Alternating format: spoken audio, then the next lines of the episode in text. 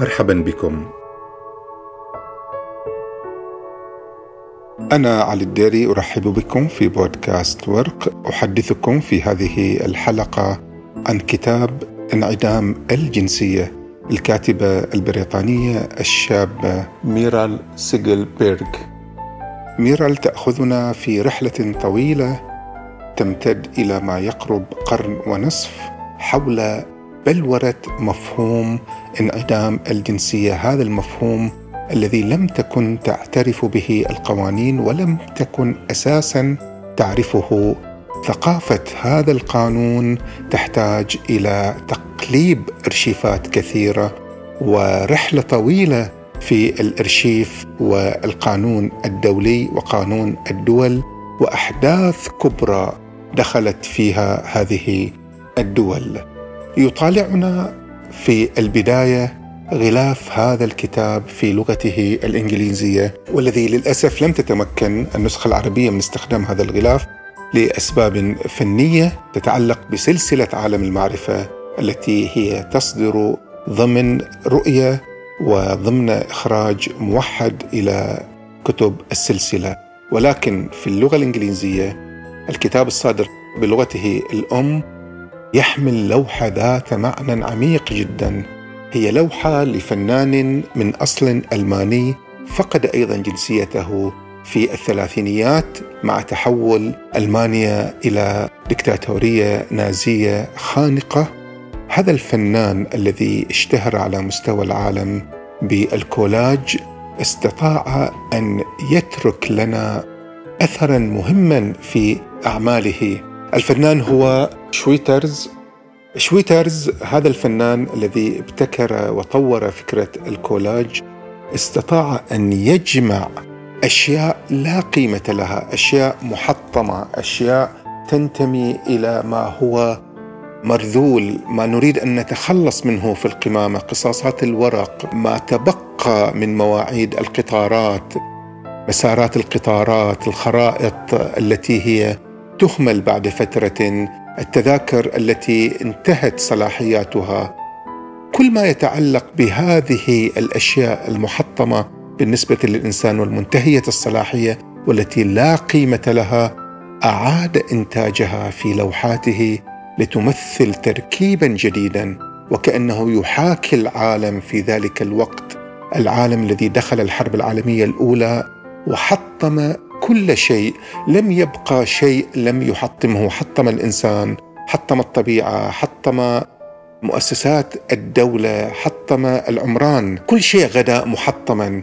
فهو أراد أن يقول أن كل ذلك يمكن إعادة تركيبه ويمكن إعادة صناعته حين يلتفت الإنسان إلى الجمال ويلتفت الإنسان إلى أهمية كل شيء في حياته. فهذا الغلاف هو يمثل مدخل وعتبة قرائية للدخول إلى هذا الكتاب. تقدم لنا ميرا من خلال قصص الناس القصص الحقيقية التي على أساسها تغيرت القوانين. تبدأ الفصل الأول بقصة ماكس. ماكس الذي ولد في القرن التاسع عشر في بروسيا. في ذلك الوقت لم يكن موضوع الجنسية وموضوع الحدود قد تحول إلى شيء مهم. لذلك هو كان قد انتقل إلى بريطانيا وهو يملك مؤسسة تهتم بإنتاج الإضاءة والمصابيح الكهربائية. يعمل على تطوير براءات اختراع مع مجموعة من الشخصيات العابرة للجنسيات. لم يكن يدرك في ذلك الوقت حين انتقل إلى بريطانيا في 1896 أن من المهم أن يتجنس بالجنسية البريطانية. هو في الحقيقة كان قد تخلى عن جنسيته الألمانية بعد أن دخلت بروسيا ضمن الدولة الألمانية وكان قد خدم في الجيش وانتهى من ذلك وقدم اوراقا تخلي مسؤوليته عن مواطنيته فذهب في مغامرات تجارية من أجل أن يجرب حظه ومغامرته في ذلك الوقت. تأتي الحرب العالمية الأولى في 1914 ويأتي معها قانون جديد أيضا إلى الجنسية. يحاول أن يقدم على الجنسية لكنه لا يحصل على الجنسية تدخل حياته في عراقيل كثيرة. الصعوبة الأولى التي واجهته مع بدء الحرب تحول ماكس من شخصية تجارية مغامرة إلى ما عرف في ذلك الوقت بالأجنبي العدو. من هو الأجنبي العدو؟ هو الشخص الذي ينتمي إلى دولة معادية دولة ضد بريطانيا في الحرب العالمية الأولى ضد محور بريطانيا ضد حلفاء بريطانيا. هذا يعتبر عدوا. تحول ماكس إلى شخص موصوف بالعداء بعد أن كان موصوفا بالتجارة وبالمغامرة وبالإفادة لأنه كان مفيد بالنسبة إلى بريطانيا.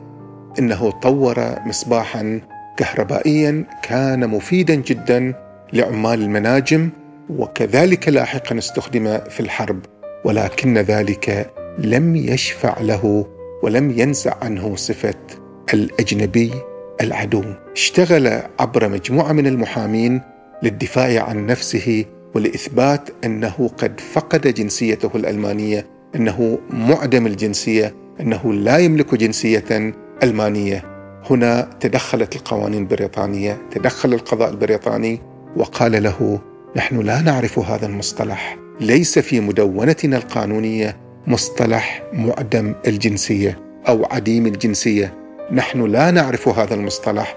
لذلك لا نعرفك إلا أنك ألماني وبالتالي أنت تنتمي إلى دولة عدوة.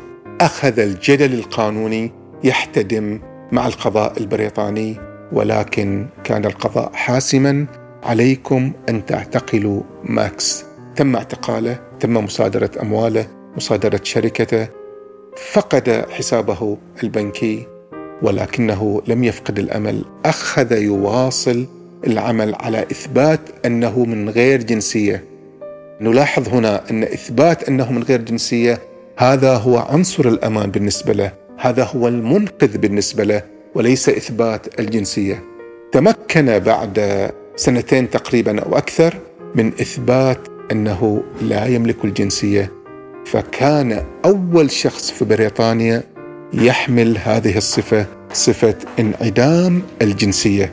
وهذه الصفة قد مكنته من استعادة شيء من أملاكه مكنته من استعادة شيء من حسابه البنكي ولكن لم تمكنه أيضا من أن يكون شخصا محميا أو شخصا ذا مكانه آمنة. هنا من المهم أن نلتفت إلى أن الجنسية تعني الحماية حين تقول أنك تنتمي إلى جنسية ما فإنك تنتمي إلى قوة تحميك تمنحك هذه الحماية فقط استطاع أن يرفع عن نفسه صفة العدو صفة الأجنبي وأخذ صفة معدم الجنسية. الحرب العالمية الأولى جرت ويلات كبرى على العالم. وواحد من هذه الويلات هو ويلة انعدام الجنسية. بعد أن تفككت إمبراطوريات كبرى كالروسية كالعثمانية كالألمانية هذا التفكك للإمبراطوريات أنتج ملايين من البشر ملايين من الأقليات وجدت نفسها أنها بلا جنسية. بلا دولة بلا حكومة بلا حماية. هذه النقطة الأهم. أصبحت هذه الشخصيات على مستوى العالم تقدم حالة جديدة. لذلك القانون الدولي المنظمات الدولية التي نشأت كعصبة الأمم والأمم المتحدة أيضا فيما بعد والمجموعات القانونية الدولية وتجمعات المحامين أصبحوا أمام حالات تحتاج إلى إعادة دراسة، تحتاج ابتكار مفاهيم جديدة، تحتاج هذه القوانين إلى تحديث جديد. لأننا أمام حالات غريبة. على سبيل المثال واحدة من هذه الحالات هي حالة الدولة العثمانية. الدولة العثمانية أيضا التي وضعت قانون للجنسية في عام 1869 بعد أن فرضت عليها الدول الغربية أن تضع هذا القانون. لكي تساوي المواطنين خصوصا المواطنين الأوروبيين أو المسيحيين الذين كان ينظر إليهم على أنهم أهل ذمة وليسوا مسلمين فبالتالي هم مواطنون من الدرجة الثانية. فحين وضعت هذا القانون قامت بمساواتهم ببقية المسلمين. وفي الوقت نفسه أيضا الدول الأوروبية فرضت على الدول العثمانية أن لا يخضع مواطنوها إلى الحكم العثماني. لنقل مع بداية الحرب العالمية تخلت بريطانيا عن هذا الامتياز. قالت لهم أن مواطنوكم سيخضعون إلى نفس القوانين وسنحاكمهم بقوانيننا. هذا أيضا ولد حالات كثيرة من حالات عدم الحماية وحالات انعدام الجنسية والبحرينيون أيضا عانوا من هذا القانون. إن كانت المؤلفة لم تتحدث عن هذا الموضوع ولكن هذا أيضا من ضمن الموضوعات المهمة لدينا وثيقة هامة جدا في كربلاء. 45 شخص آه، بحريني في ذلك الوقت أرادت الدولة العثمانية أن تجندهم وتمنحهم الجنسية العثمانية لكي يكونوا ضمن الجيش العثماني. فلجأوا إلى السفارة وإلى القنصلية البريطانية ليسجلوا أسماءهم ويثبتوا أنهم من تابعية البحرينية. هذه القوانين هذه الأحداث الكبرى كلها قد تفاعلت مع بعضها القانون مع الحدث آه، لكي يولد لنا ما عرف بانعدام الجنسية وفي الحقيقة المؤلفة تعود إلى أرشيف طويل جدا وغني جدا لحالات بشرية وجدت نفسها في لحظة من لحظات التاريخ أنها من غير جنسية. تقول المؤلفة أن موضوع انعدام الجنسية لم يعد موضوعا روائيا إنما أصبح موضوعا سياسيا واقعيا حقيقيا وهي هنا تشير إلى رواية كتبت في عام 1863 لإدوارد هيل كان قد كتب رواية عنوانها رجل بلا دولة. رجل بلا دولة كانت رواية خيالية يتخيل فيها ملازم أمريكي يحاكم بالخيانة ويقضي بقية عمره بالبحر هائم في البحر. من غير جنسية من غير دولة. من غير دولة يعني من غير جنسية. لأن الدولة هي التي تمنحك الحماية. هي التي تمنحك القوة. هي التي توفر لك الأمن. فرجل بلا دولة. كان موضوع خيالي أن يكون هناك رجل من غير دولة يهيم في البحر. من هنا من هذا المفهوم تولدت لدينا أيضا صورة مجازية أخرى ولكنها أيضا صورة حقيقية. تقول المؤلفة أن بعض القانونيين وبعض المحامين الذين طوروا مفهوم انعدام الجنسية كانوا يقولون أن انعدام الجنسية هي تشبه حالة سفينة بلا علم. السفينة التي بلا علم في ذلك الوقت تجوب الموانئ ولا يستقبله أي ميناء. لأنها غير معرفة من غير هوية من غير دولة. هي حالة فريدة حالة لا تجد إلا الهيمان في البحر. هي هائمة ضائعة في البحر لا دولة تستقبلها. حين تكون بلا علم كذلك الإنسان ونحن في الثقافة العربية نسمي الشخص نقول عن الاسم أنه علم اسم علم. حين نقول هذا اسم علم يعني اسم شخص. يتحول الاسم تتحول الهوية تتحول الجنسية إلى تعريف إلى علم. بمعنى إذا كانت لديك جنسية فأنت لديك علم يمكنك أن ترسو في أي دولة وترسو في أي ميناء. بينما السفن وهذه حالة أيضا غير خيالية في الحقيقة. السفن التي كانت لا تحمل دولة أو علم دولة كانت لا تستقبل. والإنسان كذلك لا يستقبل في أي دولة أخرى وقد يصنف أنه ينتمي إلى دولة أجنبية عدوه حين يفقد جنسيته. صورة مؤلمة جدا وصورة نابذة إلى الإنسان. في واحدة من الاقتراحات القانونية كان يوصف الشخص عديم الجنسية بأنه يمثل حالة شذوذ قانوني. حالة شذوذ قانوني أي القانون قد شذ هنا الحالة شاذة. لا يمكن أن يكون الإنسان من غير جنسية. خيال الروائي أيضا. قد منحنا رواية أخرى أيضا وهي كذلك لأحد الأشخاص الذين كانت تؤرقهم أيضا فكرة الجنسية. رواية ترافين في 1926 اسمها سفينة الموت. سفينة الموت هي أيضا تقدم شخص أمريكي بحار يفقد أوراقه في أوروبا يهيم في البحار على سفينة مخطط لها أن تحطم ليحصل ملاك هذه السفينة على التأمين. هكذا هو الشخص الذي من غير جنسية. ولكن هذه الحالة سياسية واقعية وليست حالة خيال كما هي في سفينة الموت أو كما هي في رواية رجل بلا دولة. تقول المؤلفة نحن أمام حالات حقيقية أمام مأساة حقيقية أمام أسوأ ما يمكن أن يصل إليه الإنسان كما تقول. إحدى الفيلسوفات الأمريكيات حالة انعدام الجنسية هي أسوأ حالة يمكن أن يصل إليها إنسان وتقود غالبا كما تقول هي إلى الانتحار. يجد الإنسان الحل في الانتحار. لأنه لا يستطيع أن يرسو على ميناء لا يستطيع أن يستند إلى قانون يعرفه ولا قانون يحميه ويهيم في المحيطات مطارد هارب لا ملجأ إليه. تحولت هذه الحالات إلى حالات أممية. حين أنشئت عصبه الأمم وجدت هذا الموضوع في صلب اهتمامها.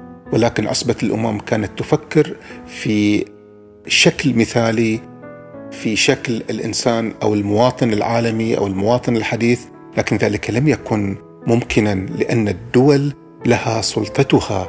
وهذه المؤسسات الدولية وهيئات الأمم العالمية هي تتعامل مع الدول باعتبارها شخصيات اعتبارية ولا تتعامل مع الأفراد.